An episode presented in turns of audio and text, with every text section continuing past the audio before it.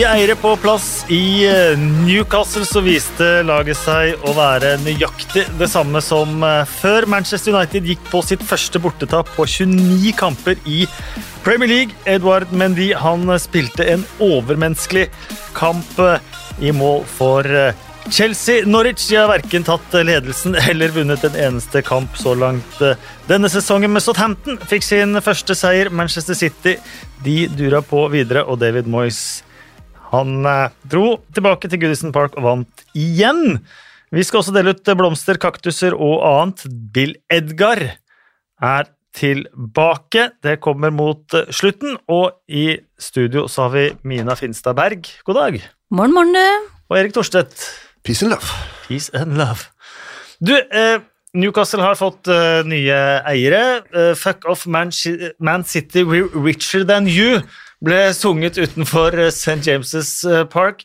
Og det er vel en sannhet uten modifikasjoner? Ja, altså Hvis du ser på penger hos eiere, så er Newcastle helt i eliten. Og så er det jo ikke sånn at Saudi-Arabia har tenkt å blåse hele oljefondet sitt på Newcastle og, og Mbappé.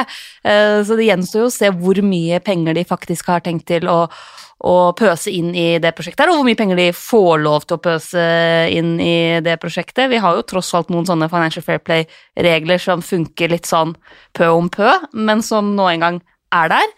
Men jo da, eh, Newcastle har plutselig blitt eh, rike, eh, og plutselig fått seg noen eiere som i hvert fall jeg rynker ganske kraftig på nesa. Men Kan ikke du bare forklare eh, eierne? På en mm. måte, Hvem er det som er inne her, og hva som er problematisk med det? Dette er jo da Public Investment Fund, altså PIF, det er det den forkortelsen står for. Det er veldig kort oppsummert, det er Saudi-Arabias oljefond. Eh, de har jo, eh, på samme måte som Norge, etablert et sånn eget eh, fond som skal forvalte inntektene de har hatt fra, fra olje og gass. For de er jo en av de største liksom, olje- og gassmaktene i, i, verden. Dette fondet her skal jo brukes for å fremme Saudi-Arabias interesser, og skal investeres på en måte som, som kommer Saudi-Arabia til gode så har jo da Premier League i sin uendelige visdom gått med på noen sånne forsikringer om at eh, dette oljefondet eh, ikke skal ha noe med Saudi-Arabia å gjøre når det kommer til liksom, hvem som har styring over klubben. Dette var det det stranda på i fjor. Da Newcastle ikke fikk lov til å, å få nye eiere. Det var vel ikke sånn at de ikke fikk lov, men det tok så sabla lang tid? Ja, at de valgte å trekke seg og saksøke Premier League istedenfor. Ja. Men da var det snakk om denne Directors and Owners-testen, ikke sant, som, hvor blant annet det Da ville det vært et problem at Saudi-Arabia som statlig aktør gikk inn eh, og kjøpte Newcastle. Men da har man da gått med på den forklaringa om at dette eh, fondet her er uavhengig av den saudiske staten, selv om da kronprins bin Salman er både styreleder i det fondet og er de facto regent i Saudi-Arabia. Det er jo faren hans som fortsatt egentlig er kongen, men det er bin Salman som styrer landet mer og mer. Eh, han er styreleder for det fondet. Det er også sånn at eh, det er vel nå sju av de som sitter i det styret, som også er minister i Saudi-Arabia, og de svarer også til eh, liksom til Saudi-Arabia alltid gjør. sånn at jeg synes Det er utro, det er liksom en veldig naiv eh, tolkning av regelverket da, å gå med på at det ikke er staten Saudi-Arabia. Det, det, det, går ikke an å, å skille liksom, mellom eh, de to tingene. Det er litt som å si at eh, Norges oljefond ikke har noe med den norske staten å gjøre. Eh, så det er liksom, ja, og så er det sånn at Amnesty og andre menneskerett, menneskerettighetsorganisasjoner mener at Saudi-Arabia kanskje er verst i klassen når det kommer til menneskerettigheter. Mm. Blant de aller, aller verste, ja. Eh, man mangler jo altså, sånn kvinners rettigheter, homofile og skeives rettigheter er nå én ting. I tillegg så har du Det er et av de landene som henretter flest. Eh, de driver jo fortsatt med halshogging og en del sånne ting. Eh, det er jo ikke ytringsfrihet på noen som helst måte. Og de har også vært ganske harde på det å og stilne sine kritikere, eh, blant annet han da journalisten Kamal Khashoggi, som eh, ble drept på den tyrkiske ambassaden eh, for noen år siden, som det har vært ganske mye oppmerksomhet rundt. Og nettopp det drapet viser jo også litt hvorfor Altså hvor opptatt Saudi-Arabia er av hvordan de oppfattes. Fordi måten man kan si som Hvor viktig er egentlig image for den gjengen i Saudi-Arabia?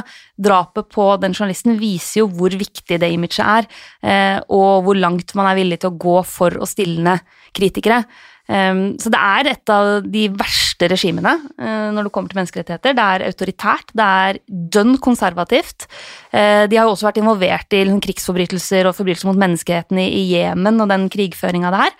Eh, sånn at det å si at Saudi-Arabia har blod på hendene, er, er liksom en underdrivelse. Og det er jo grunnen til at det har kommet så enormt mye kritikk både til Premier League, til Newcastle og for så vidt rundt liksom, den utviklinga i fotballen da, som gjør at denne type stater uh, blir liksom, maktbastioner i europeisk toppfotball. Som, men Saudi-Arabia følger jo her den modellen som Qatar har gjort med PSG, og som uh, Abu Dhabi og Emiratene har gjort med Manchester City, og de gjør det jo fordi de mener at det er en god vurdering, og at det er en strategi som funker. Og for min del så er det jeg er veldig glad for at ikke mitt lag, er, eh, min klubb, er kjøpt opp av Saudi-Arabia, og, og ville vel eh, egentlig spilt i godt lavere divisjoner eh, for å unngå, unngå, det. Samtidig så tror jeg nok ikke jeg ville latt være å følge laget mitt likevel. Eh, og det syns jeg Jeg syns på en måte ingen eiere kan ta vekk eh, klubben fra folk. Jeg syns folk skal få holde med det laget de har vokst opp med, og der måte, klubber tilhører sånn sett menneskene og supporterne. og og de har jo ingen ansvar for hvem som kjøpes opp av klubben, men det som gir meg litt sånn dårlig smak i munnen, er jo mange sier, Jeg har fått mange, mange nye tilbakemeldinger på Twitter, så du har ikke skjønt det, og sånt, fordi at vi feirer at Mark Ashley er ute, ikke at de nye eiere og sånt noe. Og, og, og, det er for så vidt greit nok, det også, men samtidig så ser man saudi-arabiske flagg. Man ser jo folk som har på seg disse arabiske hodeplaggene uh, og jubler og, og synger bl.a. Richard and You, alle de, de, tingene der. Og da mener jeg, da feirer man jo ikke at Mac Ashley har gått, da feirer man jo at man har fått nye eiere fra Saudi-Arabia, og det gir meg ikke helt den samme smaken. Nei, det er vel sånn at mennesker er ikke alltid så opptatt av det som er langt vekke. De bryr seg mest om det som er rett utenfor egen dørstokk. Og de som bor i Newcastle, de bryr seg mest om laget sitt og at de får bra spillere. og dette er jo prisen en må betale for å slippe reven inn i hønsegården, som en gjorde for mange mange år siden. Mm. Tottenham var den første klubben i Europa som gikk på børs. Mm. Når du går på børs, så stiller du òg altså, Da er du til salgs, da, basically. Og eh, Det er òg en av grunnene til at Premier League har blitt så populært, er at vi har fått tilførsel av kapital. I Tyskland ingen eksterne, bortsett fra sponsorer, sånn, som har noen interesse av å gå inn med masse cash. For de vil aldri styre den klubben uansett. Det er det medlemmen som gjør, med 50 eh, pluss én aksjevedtaket. Så eh, jeg synes det er absurd om det er russiske oligarker eller amerikanske eller kinesiske kapitalister eller det er Saudi-Arabia eller Abu Dhabi De skal eie klubber i England. Det er absurd. Mm. Det er helt feil. Men nå har det engang blitt sånn og jeg tror I dette tilfellet så tror jeg Premier League var sjanseløse pga. juss. Mm. De ble saksøkt. Saudi-Arabia sitter ved alle bord i hele verden. De sitter ved alle bord i hele verden. Det er ingen steder Saudi-Arabia er utestengt. Så, så, så, Premier League hadde vært sjanseløse hvis de skulle sagt at nei, dette går ikke. Det hadde de røket, og da, da taper de milliarder. Altså. Mm. Jeg tror det, det koker ned til det. Du må lage bedre systemer som gjør at det går an å si nei. Og det, De systemene finnes ikke i dag. Så dette, dette, dette er det ikke kjangs til. Ja, og, og viser, man viser jo nok en gang at de reglene som ser fine ut på papiret, ikke funker i virkeligheten når man eh, benytter enhver anledning til å finne de smutthulla eh, og komme seg rundt det pga. teknikaliteter. Og så er det jo også Altså, det er veldig mange supportere og andre som er på en måte kritiske til den utviklingen fotballen går i, og som er fortvila over det, men eh, fotballens ledere viser jo ingen vilje på noe som helst måte til å faktisk ta tak i det, verken i Premier League eller eh, i Uefa eller i Fifa. Nå har jo Fifa innført at menneskerettigheter skal tas med i beregningen når de skal tildeles mesterskap, så jeg mener jo det er en viss form for fremgang. Og vår venn kronprinsen i Saudi-Arabia, som jo drepte denne mm. på hans ordre, mm. drepte denne journalisten i Tyrkia. Den saken er jo helt syk. Forlovede hans står på utsida og, og, venter. Mm. Uh, og da fins jo, av alle ting, så fins jo et lydopptak av det som skjer der inne. Mm. Fordi at uh, tyrkerne da, de overvåker jo og avlytter ambassaden. Uh, men kronprinsen kom jo inn der med på en måte litt sånn liberale vibber. Han kom jo inn der og skulle være en reformvennlig, og det er ofte sånn. I, i der nede så er det jo gjerne en ung, mer liberal gjeng da, som pusher i den retningen, og så har du den gamle garde som står imot. og så er det en liten sånn intern fight mellom disse, men alt gikk jo rett i dass når det der greiene der skjedde.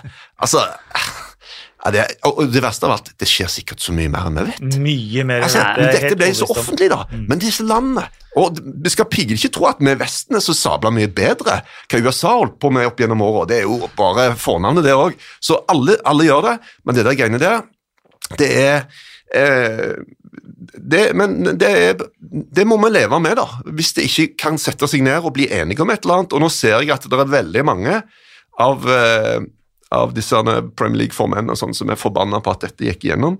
Og jeg tror jo òg at de ser nå at vet du hva, nå blir det jæklig mye vanskeligere nå til topps. Ja, For, det er et. Everton, for et Everton, for et Leeds, eller disse, som har disse ambisjonene. Så kommer det en gjeng da, som bare pøser cashen inn, og så er det noen Financial Fair Play-regler som Men, i, men funker slash ikke funker, og, og, og, og nå er det plutselig Dette blir eh, Og- Nå er det en til eh, som skal sitte på toppen der, da. Og ironisk nok så vil jo Newcastle faktisk ha ganske stort handlingsrom innenfor Financial Fair Play, fordi Mike Ashley har nekta å bruke penger og ikke har investert Ja. en dritt i spillere på veldig lang tid, så har de jo faktisk et ganske mye større handlingsrom enn det de ellers kunne hatt da, eh, i det kommende Ja overgangsvinduet. Han mener jo selv han har, han har betalt 120 millioner pund av egen lomme de to siste årene, da. Mener han. Ut, og, altså, ut i, forhold til det som har kommet inn. Og da kan man drømme som Chris Waddle, en av mine aller største helter da jeg var barn. Din tidligere min, lagkompis ja. Chris Waddle. Mine konfirmasjonsbilder er alle ødelagt av eh, business in front og party in the back. Jeg kjørte full Chris Waddle-hockeysveis.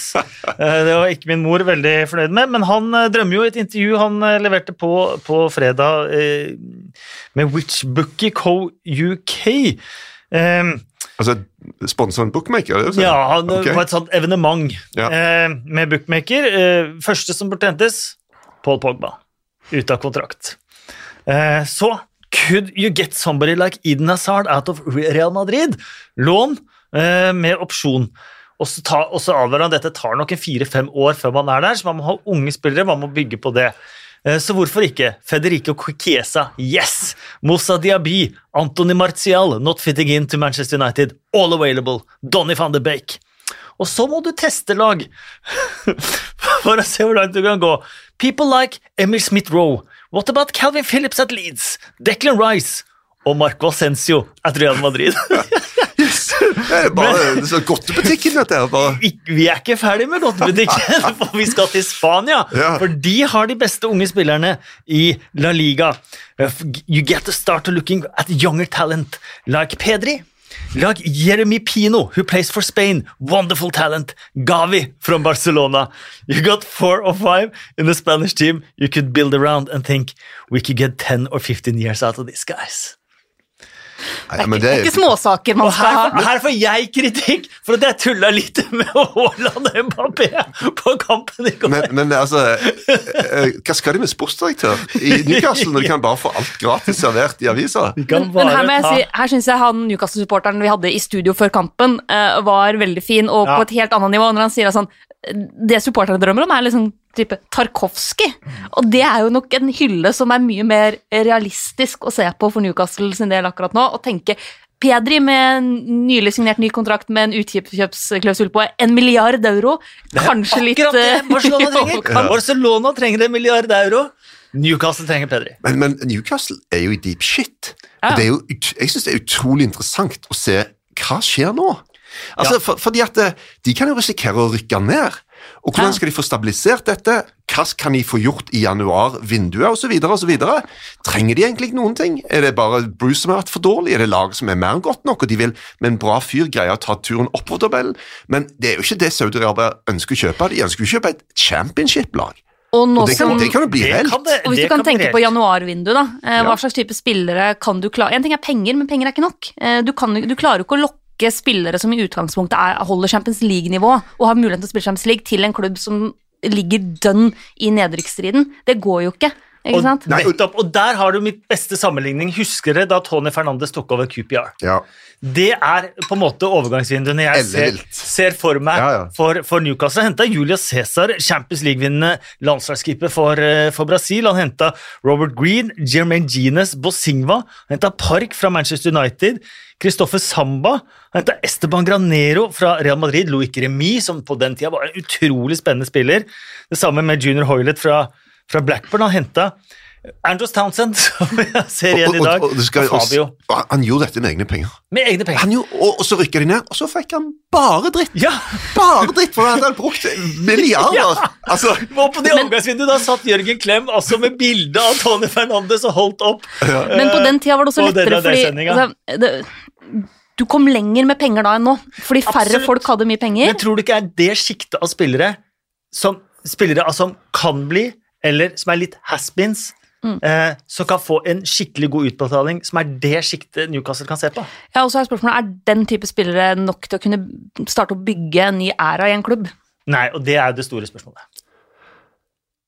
ja, altså eh, det kan, det kan bli utrolig gøy ja, det er Nesten sånn at du må Eh, begynne å tenke deg om hva ord du skal bruke her. Men, men det kan bli fascinerende å følge det greiene der, for at det, det, er, det er ikke så enkelt. Og hvis du henter vel Altså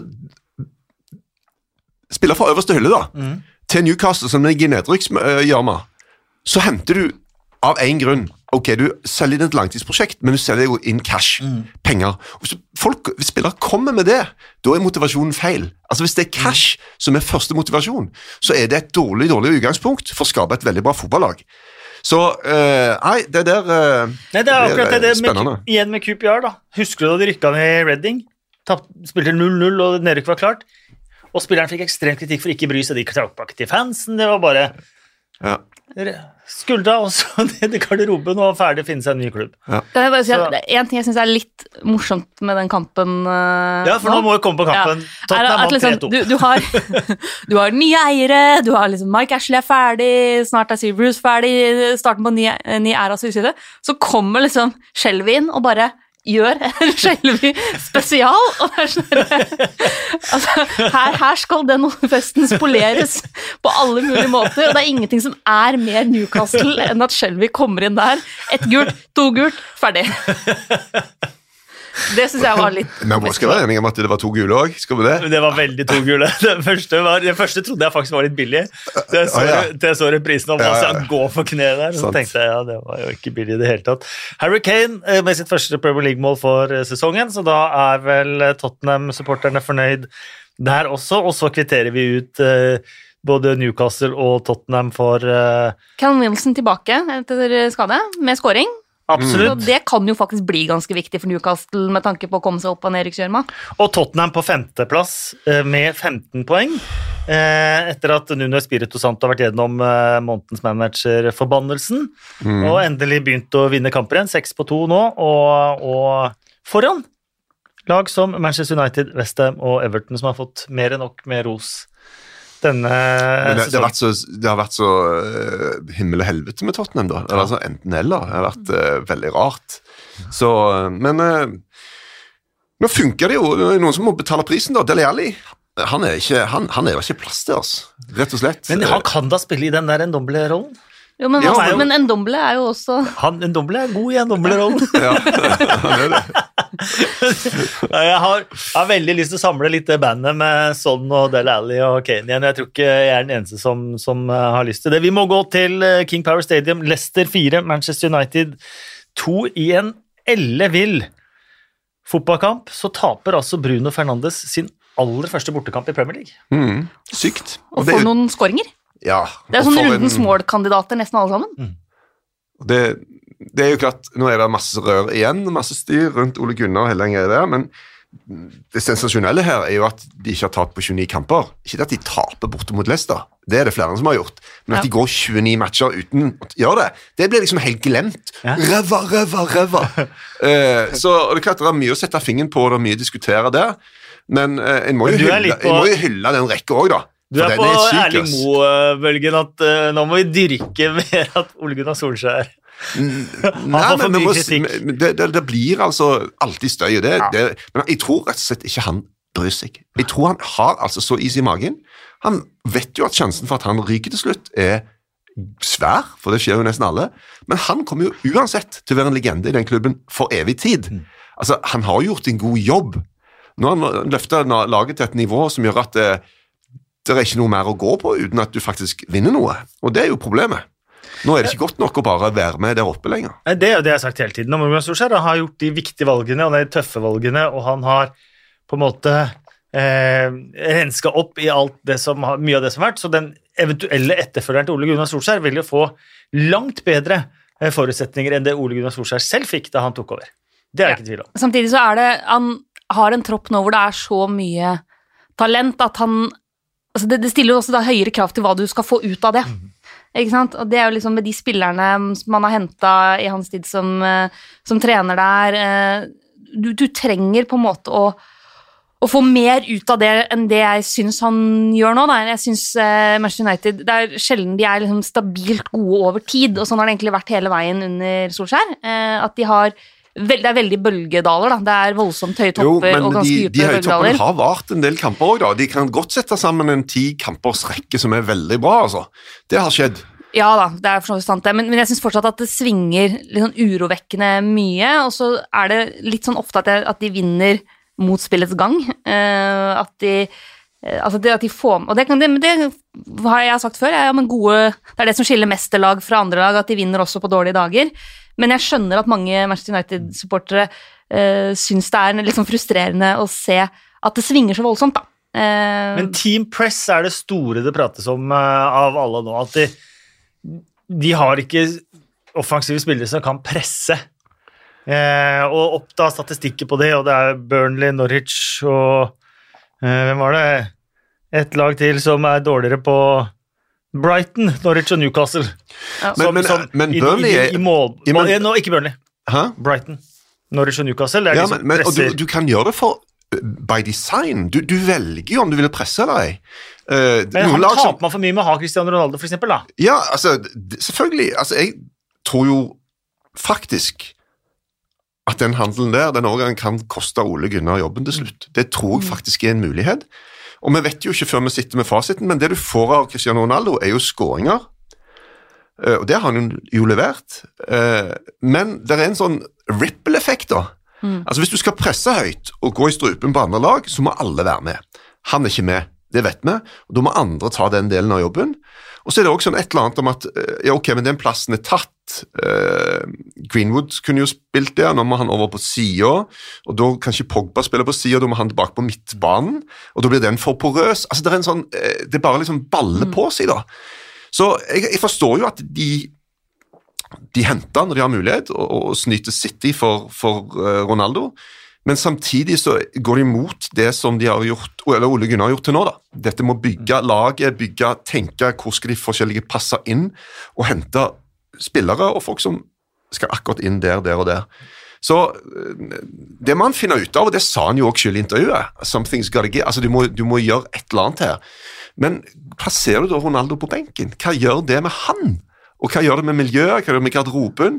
Altså, Og han veit jo også at det, det Vanligvis som trener så vil du kunne av og til uh, gjøre litt endringer, noen på benken, en annen får sjansen, og så er ikke det nødvendigvis en enorm dramatikk i det.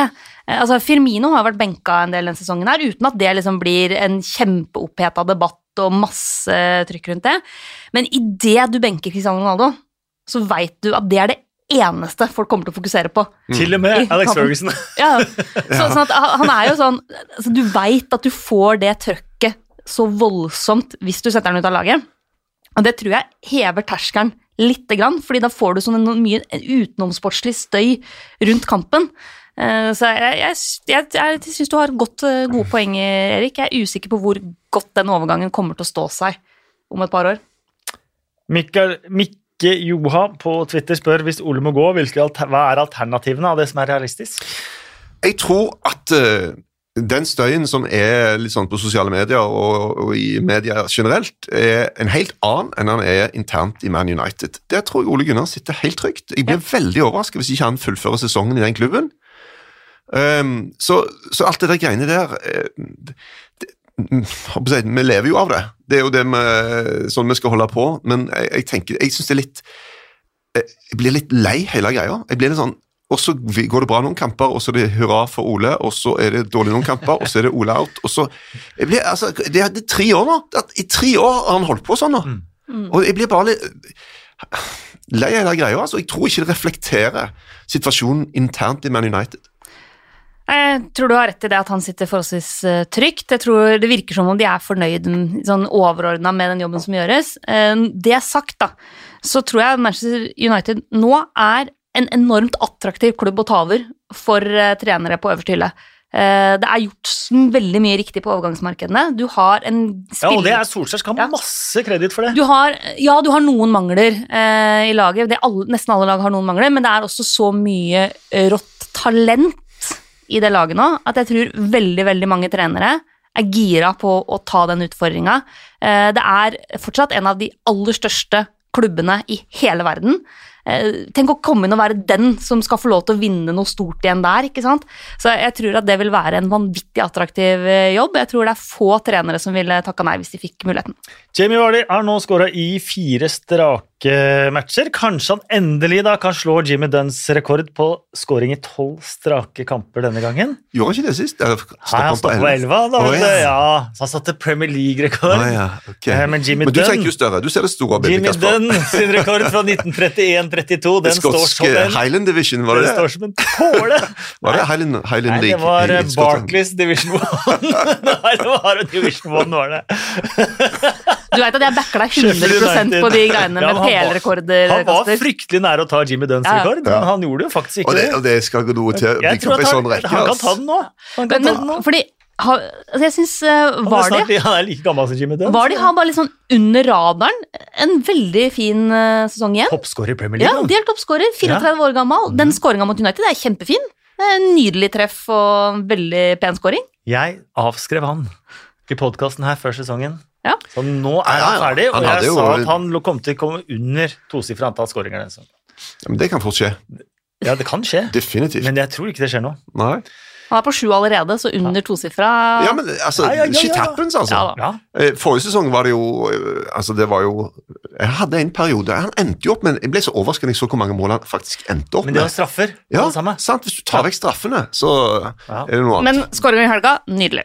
Det var det. Og Brentford, nydelig, de òg lagde et ellevilt leven på lørdagskvelden, men tapte likevel 0-1 mot eh, Chelsea. Ben Chilwell skåret da mot Southampton, skåra mot Andorra og skåra igjen eh, nå tre kamper på rad. Og ikke bare det, han skåra i siste serierunde mot Aston Villa òg. Så hvis du tar bare de tre siste Premier League-kampene hans, han tre på strake i Premier League òg. Jaggu Mm. venstrebekk Ben eh, Chilwell. ehm, Som eh, var jo havna litt ute nå. ja, det var bare hans andre kamp etter Ja, Premier ja. League denne sesongen. Ja. Mm, men skåra begge, da. Eh, Men for en match. Altså, det, altså det, det, det er, jeg har sett mye fotball, altså. Men dette er noe annet. Ja. Altså, det, det de leverer, Brentford, er bare helt Jeg fikk, jeg fikk melding av uh, Altså- min, min venn Magnus Forsberg, Palace-supporteren, hvor det bare sto sånn 'Steike Brentford er gøyale'. Ja. Og det syns jeg oppsummerer det veldig veldig godt. Jeg var på, for en sjelden gang på fotballpub, det har jeg ikke så mye tid til nå lenger. Uh, det gjorde jeg jo veldig mye før, det var en av mine favorittaktiviteter. uh, nå må det porsjoneres mer ut, men jeg valgte da, jeg var på, på lørdagskvelden der med ei venninne, og da hadde vi Chelsea mot Brentford, og det er Altså, Jeg kosa meg så voldsomt. Det er så gøy å se Brentford spille fotball. Og de, de lager et sånn salig kaos for motstanderne sine. Og det er jo stolpetreff på stolpetreff, og de er altså så nære å få med seg poeng mot Chelsea. Eh, jeg synes det er så gøy at vi hver eneste sesong nå får opp et nyopprykka lag for Championship som er dritmorsomme, dritkule, kommer med noe helt nytt eh, og leverer voldsomt bra, så lover det veldig dårlig. Nå var det ikke Championship. Vi skulle snakke om nå. De har kanskje ikke vært like blendende morsomme. Bare de som kommer fra Championship. Det jo Nei, men, jeg syns det, det er så gøy å se Brentford spille fotball. ja, det er veldig veldig gøy. Og gøy for keeperforeningen, da. Ja. Ja. Ja, da, Men de er enorm. Men de var, eh, var helt fantastiske. Han var det. Eh, Så noen av dem blir han jo bare truffet i trynet eller hva Det, som helst. det brassesparket. Så, men den, den tror jeg Den er ikke så voldsomme, tenker jeg, da. Det er andre ting han gjør. Den brassbakke Hvis du står ganske i ro da, og bare fokuserer og ser at her kan det komme noe av den greia der, så, så får du opp hendene i tide, altså. Men, men, men greia er at dette er en fyr som eh, Det var en enorm kontrast da, når, eh, på hvor mange mål de slapp inn fra Kepa til Mendy. Men hvis du gikk inn og så hva ligger bak dette, her, det var at plutselig så slakk de nesten ikke til. Altså, Forsvaret ble ekstremt mye bedre. Men han har denne enorme evnen til å kunne stå og være ganske arbeidsledig og ta det som han må ta, eller å jobbe på høygir, som han måtte nå. altså. altså Beste skuddstopperen i Premier League, sa Brad Friedel. Ja, han ble vel før denne matchen til og med eh, på en måte sånn statsmessig eh, Hvor mange har du redda i forhold til det du burde redda? Det- det- Keeperstatistikk er i begynnerfasen. Det kommer til å bli mye bedre. Men det er noen måter du kan regne ut hvor mye du burde sluppet inn, ut ifra hvor skuddene kom osv. Men det er masse masse små nibler. Hvor fort går det? Er du dekka? Går han mellom beina på en fyr? Masse greier. Men, men eh, eh, det var en sånn kamp du husker, altså. Den kampen kommer han sannsynligvis til å huske resten av livet sitt. Um, og så eh, altså, jeg må bare si ok, matchen, men det som er rundt, da. Altså, dette er en ny stadion.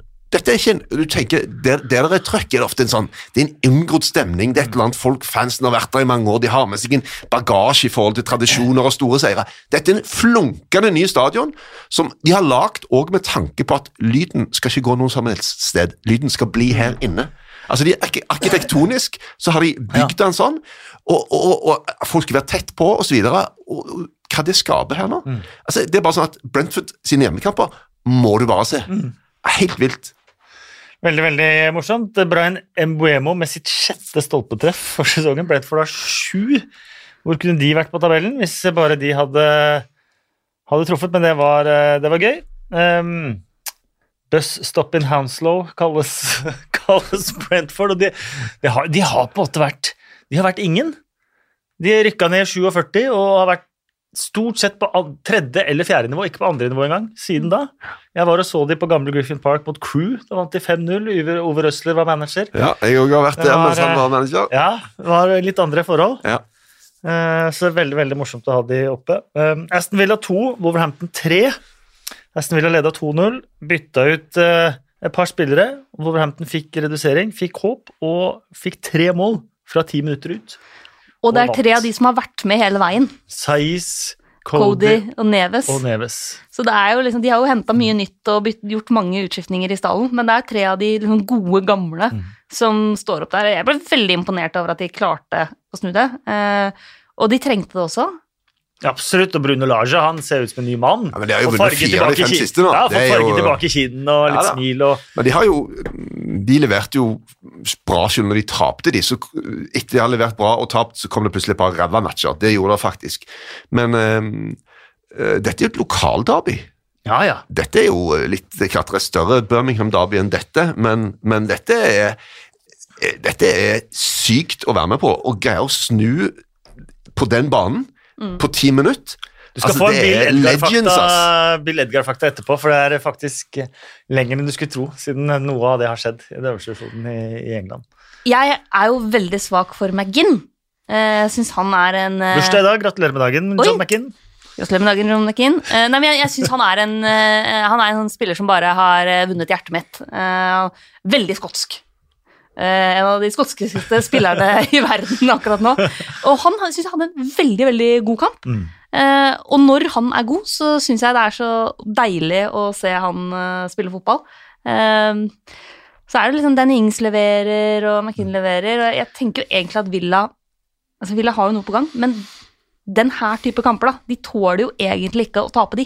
Nei, det gjør de ikke. Og den beste av de alle var Conor Codys intervju etterpå.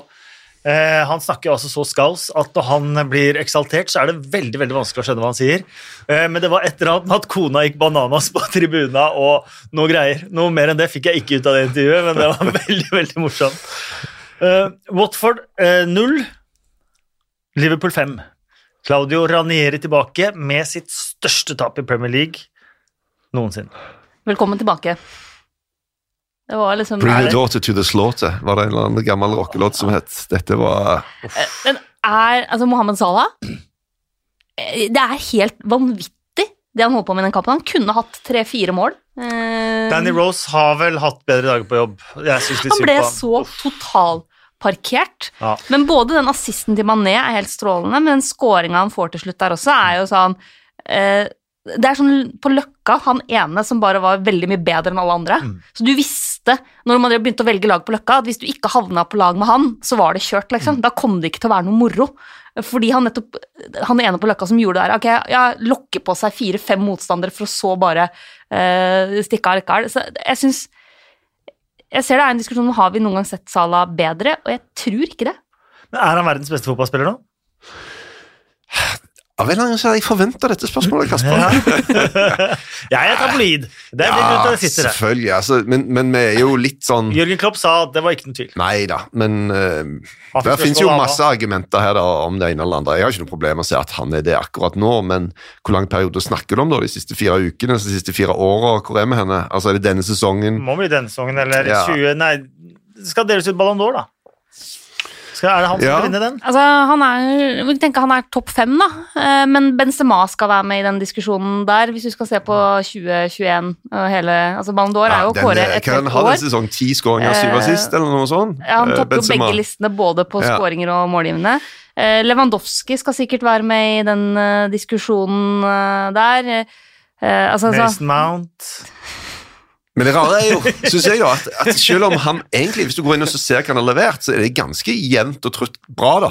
Men, men Salah har, måttet betale en form for pris på at han var så insane første sesongen. Så alt han har gjort siden blitt målt opp mot det, eh, hvorfor han ikke er så bra er- lenger, hva er det greia?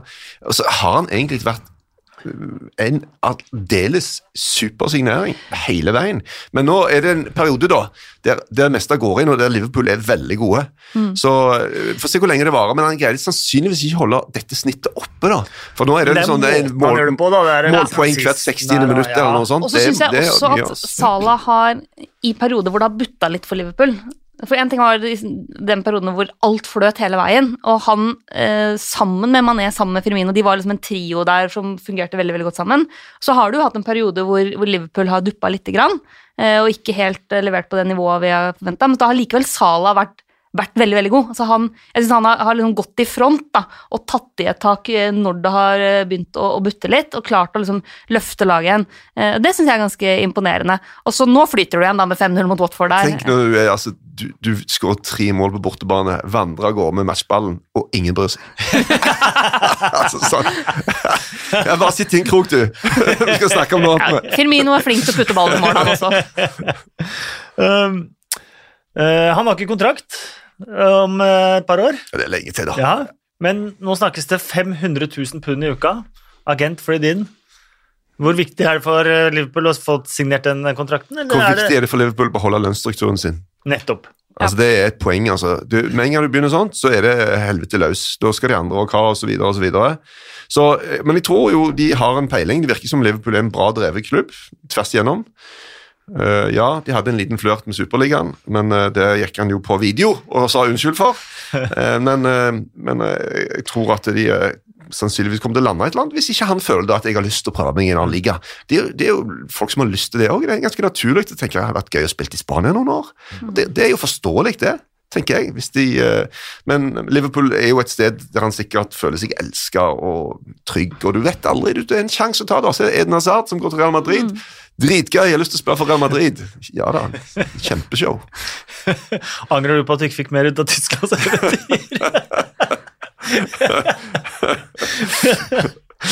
um, Nå ler Kasper så hardt han må holde seg for magen. recht og links. Ja. Uh, Watford de har noen fryktelig vanskelige kamper som uh, kommer nå etter hvert. Det kan bli tøft for Kladrian Jere. Kanskje han neste manager ut også, hvem vet? Men han har rutine, han tåler det å ha det litt. Ja. Ja, men Vi skal ikke glemme hvor dårlig det gikk i Fulham. Altså, det gikk fryktelig Jeg telte dårlig. opp det. Jeg gikk Ja. inn på Wikipedia og bare talte klubber. 19, et par har vært i forskjellige et, ulike ganger, da, men 19 ulike klubber pluss Hellas, tror jeg. Mm. Altså, Det er ei syk rekke, altså. Og han tar det på strak arm. Han er glad uansett. Han... Savna adrenalinet, savna kampdag, savna liksom alt det. Så Og jeg tenkte jo at ok, Liverpool, eh, første match, du har ingenting å tape. Jo, du har det, altså. Når du taper 5-0, så er det ræva start. altså. Nei, det- Norwich 0. Heldigvis for de. Brighton 0 også.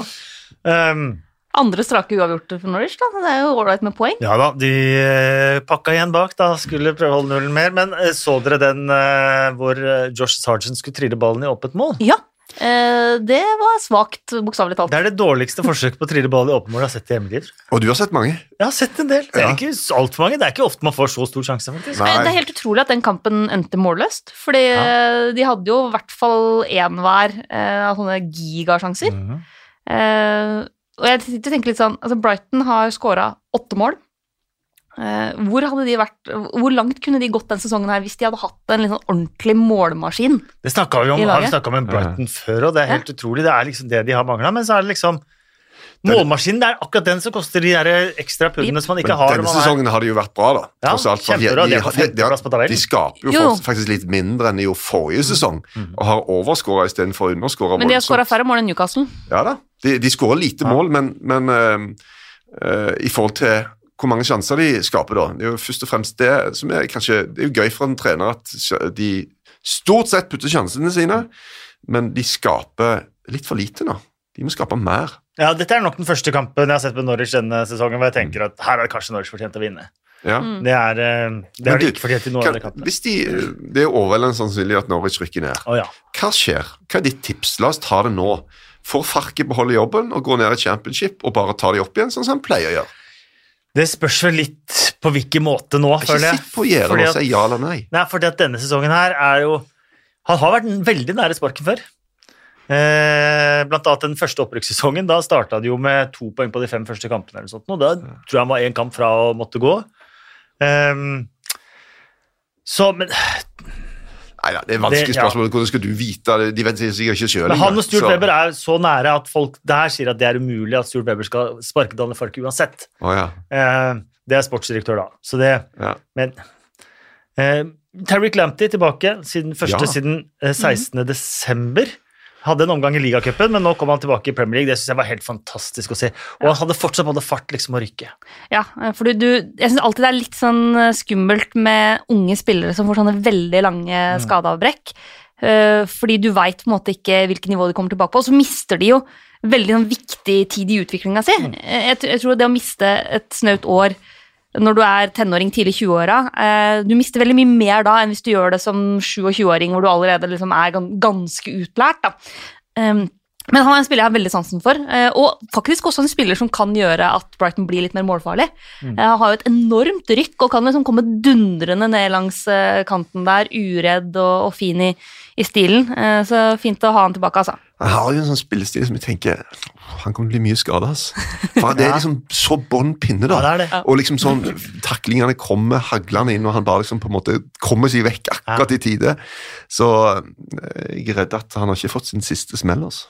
Mathias Nordmann ble kåret til hjemmelagets beste spiller. Det har han blitt i tre av fire kamper han har spilt for Norwich. som ble kåret til månedens spiller. Og, eh, og han er rett og slett den beste spilleren på laget. Det kan det ikke være tvil om. Og i den rollen han har òg, så nå har de jo liksom ikke bare kortpasning, nå skal de slå litt langt, de skal variere sånn nå. Det er han som har ha dirigentbiten. Han får ballen, han bestemmer hvordan, eh, hvordan de skal spille. Det dødballfotet Dødballfot har han, og det er overraskende hvordan han har tatt Premier League-nivået på en utrolig imponerende måte på et lag som har slitt såpass. Ja.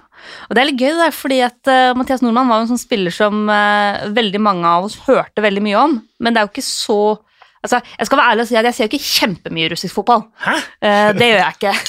Sånn at det var alltid sånn vanskelig. Man fikk veldig mye rapporter på at han leverte veldig bra, hadde en veldig høy standing i klubben og, og holdt et veldig godt nivå, men det er alltid vanskelig å, å klare å vurdere ok, men hva, hva kan du oversette det til? Da? Hvilke nivå i andre ligaer kan han gå inn på? Eh, eh, hvor, hvor bra kan han levere for landslaget?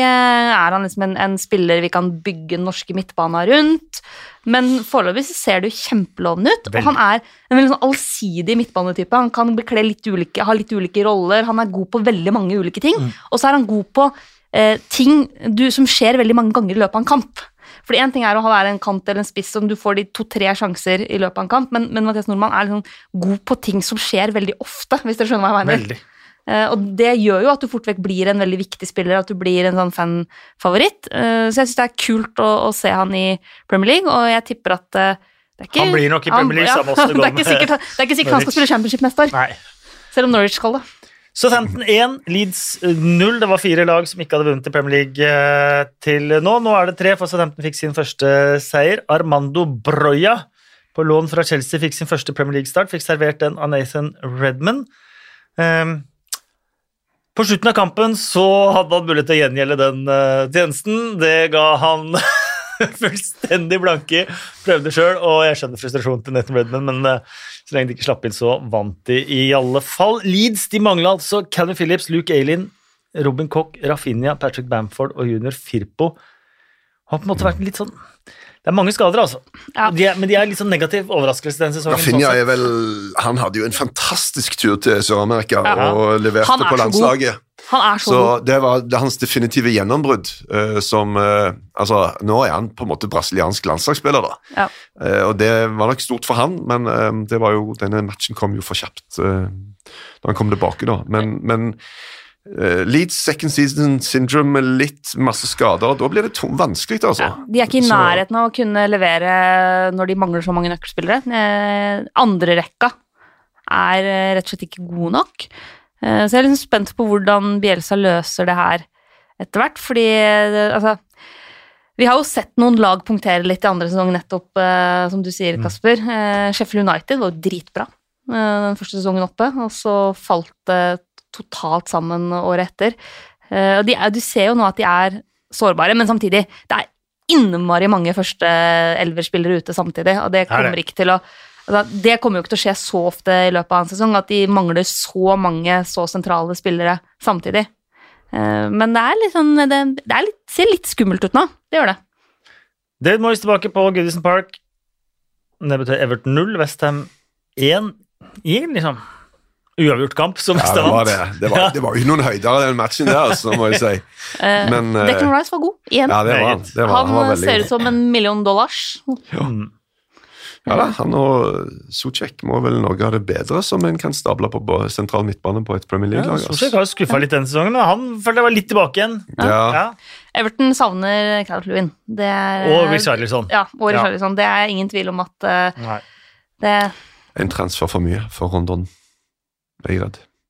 Ja, Det er litt å sende den en, en gang for mye. ja. Og det, er- det er lett å sitte og si etterpå, da. Og det, det mangler kanskje ikke så mye, men, men det har ikke det, det holder ikke. Akkurat nå så må vi bare si at den der eh, Nei, det Ja, han hadde nesten ikke noe valg heller, da, hvis du skal hente noe når, du, når dekninga er så liten som den var. da. ja, De har jo eh, Keane, da. Som er italiensk landslagsspiller. Ja, Man glemmer nesten det. Så Ja. Som scora for Juventus eh, mot Roma her. ja. Eh, tabellen den er veldig tett og jevn. Det skiller ni poeng fra første til trettendeplass.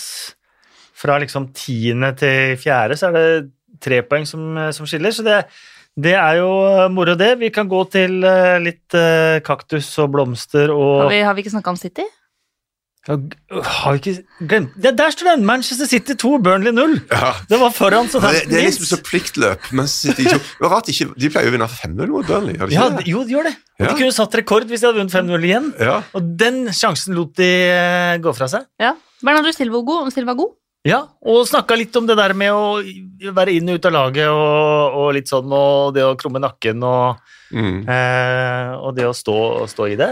Stirling eh, ganske, fortsatt ganske kald. Ja, der må det krummes eh, nakke, men nå sier jo Han har levert et intervju også hvor han sa at 'jeg må vite om jeg skal spille hvis jeg skal fortsette'. ja. Mark, ja. Tenker du på det han sa intervjuet Johnny i forkant? ja, Eh, Ja, nei, sa han det? Jeg tror ikke han sa det, Johanne. Han sa bare Nei. at han kunne være sugen på en ny utfordring i Ja. utlandet, ja. og at det var problematisk å, å ikke spille nok. Og han mista jo på mange måter plassen, før han plutselig dukka opp som spiss i Champions League-finalen. Så han har jo spilt en del, og det, det er jo veldig mye rotering på de der framme der på City. Det, det, det vet du jo. Tårnet Torres ute en stund, fram til jul, tror jeg.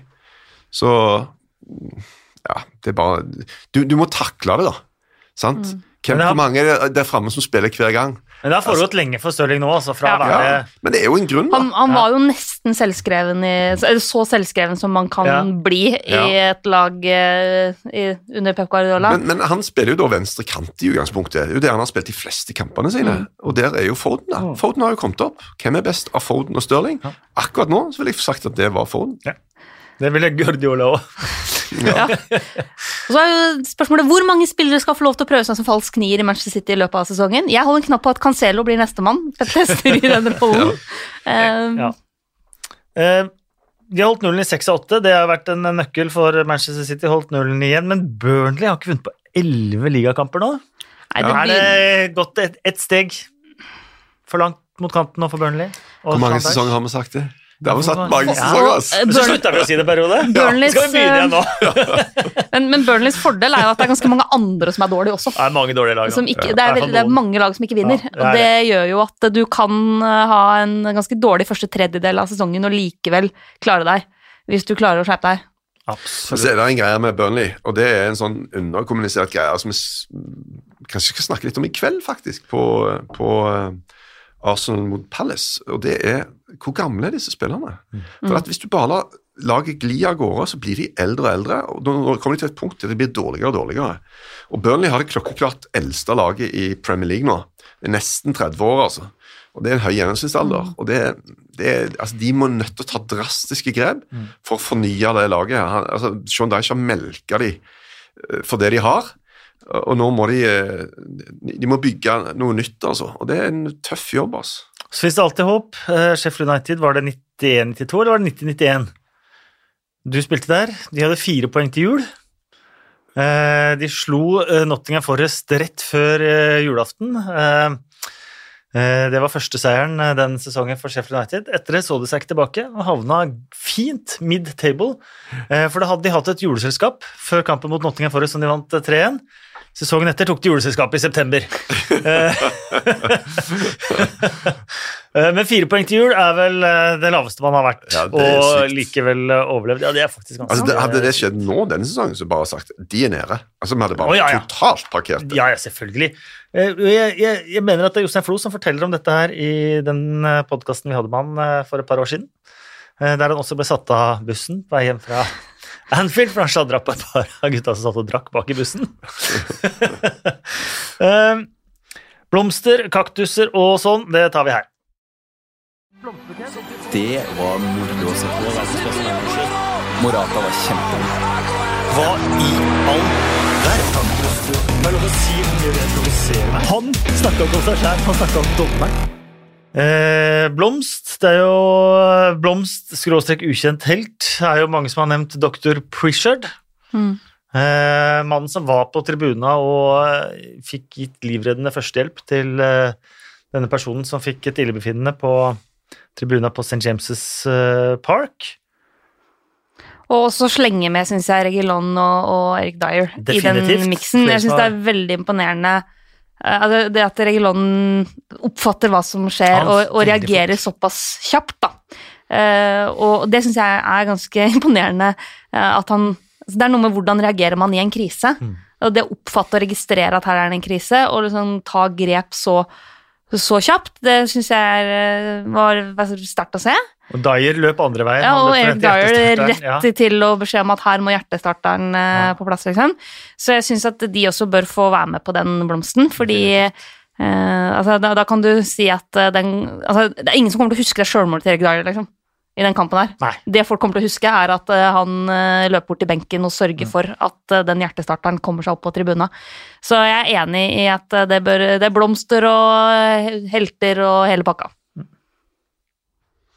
Ja, det var jo Deia var jo altså, sympatiaksjon med å du selvmål i tillegg, så han var jo i, eh, Nei, det, det er jo Det ble ikke de Begge ble man of the match, gjorde ikke det? da? Jeg tror det. Regilon og Erik Dyer ble eh, kollektivt eh, man of the match. Ja. Sammen med Dr. Pritchard. Ja. man of the match, han òg. Um, øyeblikket um, Der har jeg hatt jeg brassespark og redningen til Mendy. Altså. Det, det var Ja. noe som kunne vært årets mål, og så ble det årets redning isteden. Men Mm. nå har jo du bare nulla den redningen. Nei, men det, altså, det, er en, det er veldig kult å ta det med, men, eller du kan ta den for i trynet, eller eh, Ja. hva som helst, egentlig. Det er nok å ta av. Men bare Avslutninga var jo så Ja. fantastisk god. Det hadde jo Ja. vært et fantastisk Ja. mål. Men jeg ville sagt eh, rundens øyeblikk er de siste 45 minuttene i kampen mellom Brentford og Chelsea. Ja. Det er rundens øyeblikk for meg. Altså. Begynner å bli gammel nå når liksom øyeblikkene bare strekker seg stadig mer ut i tiden. Pusta inn på avspark og pusta ut, og da var jeg blåst. Nei, det var sykt, altså.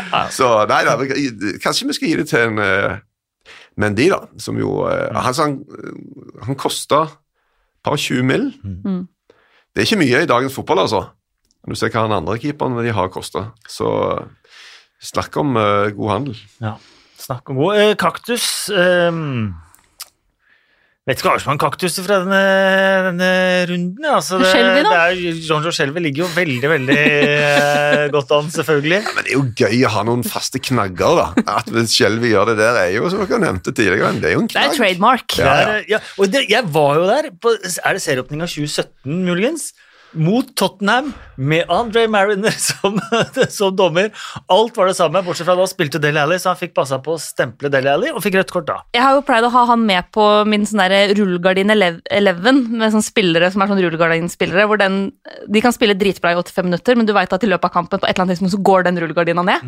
Eh, og da er det et eller annet som er helt utrolig. Og han pleier jo å være liksom fast inventar i den rullegardin-elveren min, uh, og det har han vært i mange år, fordi at han gjør akkurat de tinga der. Og han gjorde det, og det husker jeg, det syns jeg var så, egentlig på mange måter tøft, og det respekterte jeg litt, for det, det tror jeg aldri jeg hadde turt på noe som helst tidspunkt. Han var purung og spilte i Liverpool, knapt fullt 20 år, tror jeg, fikk rødt kort, og gikk rett i strupen på Alex Ferguson på vei ut av banen. Husker du det? Hei, jeg gjør ikke det, men jeg burde jo gjøre det når du Ja. beskriver det på den måten. Ja.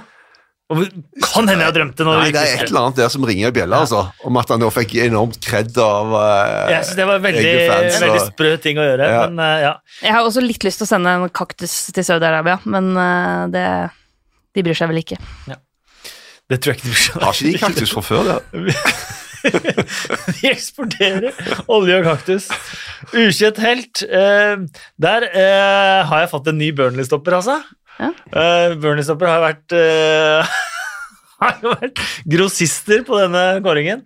Men Nathan Collins har kommet inn for Ben Me. Ja. Uh, først mot Norwich, uh, sist på Turf Moor, og nå på, på, mot Man City. Og, og han er kjempegod. Mm. Og han er vel så ukjent at jeg håper mange i den podkasten ikke har hørt om han. eller? Ja, det, er ikke det han sånn perfekt som ukjent helt? Jeg følte det. Fordi veldig ofte så er de ukjente heltene litt sånn ja, En eller annen eh, Tottenham-spiller vi bare ikke snakker om så ofte, på en måte. Ja, ellers Eh, har det, jeg tror både Ben Mee, James Tarkovsky, Michael Keane Alle har fått den kåringen her flere ganger når de har spilt stoppere for Burnley. Så nå er det Nathan Collins sin tur. Ja, Er det han mannen som skal holde de oppe? Det er i hvert fall eh, mannen som kanskje Kanskje Ben Mee, nå, i og med du snakket om aldring og sånn, han er 20 Ja, ja. år, henta fra Ja. Stoke. Nathan Collins. Stemmer det, men han kom eh, forrige sesong. Han har vært der en stund, han vel? eller kom han nå i sommer? Ja, det er så ukjent at nå spør du Ja. alt er vanskelig. Jeg tror han kommer i sommer. det. Ja. Eh, da spurte Kjartan Bore på Twitter. Jeg spør, jeg har spurt før, og jeg spør igjen. Bill Edgar savnes i podkasten. Arsenals syv siste. Aldri skjedd. Første gang siden er den sjette spilleren. Fun factsene til Bill Edgar. Er dette din hemmelige Twitter-konto, Kasper, som du har sendt inn eh, innspill fra? Kjartan Bore? Ja. Nei, jeg tror han kan verifiseres som en annen enn meg. Men vi tar Bill Edgar. Eh, Sist mars så stoppet Leicester Manchester Uniteds rekke på 29 strake tap uten tap på bortebane i alle turneringer i England. På lørdag gjorde de det samme med 29 strake bortekamper uten tap i ligaen. Man Uniteds rekke stoppet på 29 bortekamper i Premier League på rad uten tap. Det var Leicesters 29. hjemmeseier over Manchester United, og på slutten skåret nummer 29 Patson Daka 4-2. Oh. Der kom smilet til Erik. Det er, elsker de.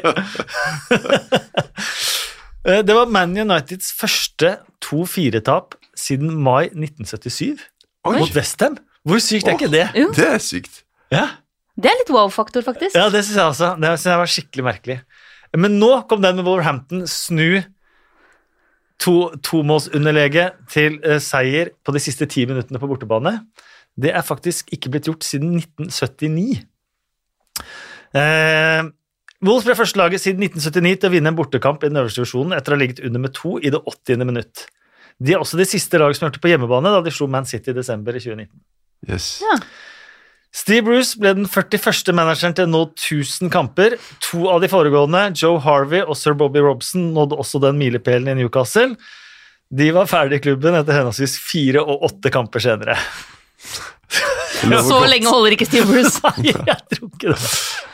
Jeg så en som tvitra at han tvilte på at Steve Bruce kom til å feire den 2000. kampen. på Jeg lurte på om han kom til å lede laget i andre omgang. jeg. Norwich ligger an til å bli det første laget til å vinne nest øverste divisjon og havne sist i den øverste divisjonen fire sesonger på rad. De har også gått 18 strake kamper i den øverste divisjonen uten å skåre etter pause. Og i sine 26 siste kamper som Premier League-lag har de skåret seks mål i en Liga Cup-kamp mot Bournemouth, og de har skåret totalt seks mål i de resterende 25 kampene. Wow. Er Det er sykt, egentlig. det? Oi, oi, oi. Altså, Det er nesten sånn at du tenker Selv om du ikke prøver, så greier du å skåre mer enn det. altså. Ja, de gjør det. Men de tapte jo de ti siste, og da skåra de ett mål. Ja. da de rykka ned sist. Og så har du ikke starta sånn Kjempebra. kjempebra denne sesongen ellers, så da, da ble det sånn. Eh, vi avslutter med fem kjappe spørsmål. Mhm. Ja. Eh, hvem vinner Premier League? Jeg har sagt Chelsea tidligere i sesongen, så jeg får si det fortsatt, da. Stå på det. Da skal jeg virre litt. Skal jeg se Liverpool. Jeg sier Chelsea. Er Solskjær Manchester United-manager neste sommer? Ja. Altså, tenker du på Altså, forsommeren eller på sensommeren? For sommeren Til våren, liksom. til våren. Jeg sier ja, jeg. Ja, altså denne sesongen. Ut denne sesongen. Ja. Ja, Ja. Veldig vanskelig for Erik å forstå spørsmålet her. Ja, for det, det er sånne små nyanser, vet du. Ja, Det veldig sånn- nyanser, ja. Rykker Newcastle ned? Ja. Nei. Nei. Um, hvem er verdens beste spiller? Altså, I form akkurat nå? Eller Nei, hvem er verdens beste spiller? Ja. Jeg mener det er Lionel Messi, liksom. Uh, Sjøl om han ikke er i best form akkurat nå, så mener jeg fortsatt at han er den beste fotballspilleren i verden. Bare for å tekke oss alle Liverpool-supportere. Mohammed Salah. Jeg sier faktisk Messi, jeg òg. Hvem er Premier Leagues beste keeper? Men de. Nå er jeg mer farga av øyeblikket. Ja. Uh, Prisoner of the moment. Alison. Jeg sier Alison, ja. Det var det. Eh, tusen takk, Mina. Hyggelig å være her igjen. Tusen takk, Erik. Sjøl takk. Og takk til eh, Moderne Media, Håkon og Felix, som har lagd eh, denne episoden. Og ikke minst må dere huske å gå og følge oss på Twitter, 2PLpod heter vi der, og eh, legge inn stjerner og hyggelige kommentarer på iTunes. Da blir vi glad. Takk for eh, nå.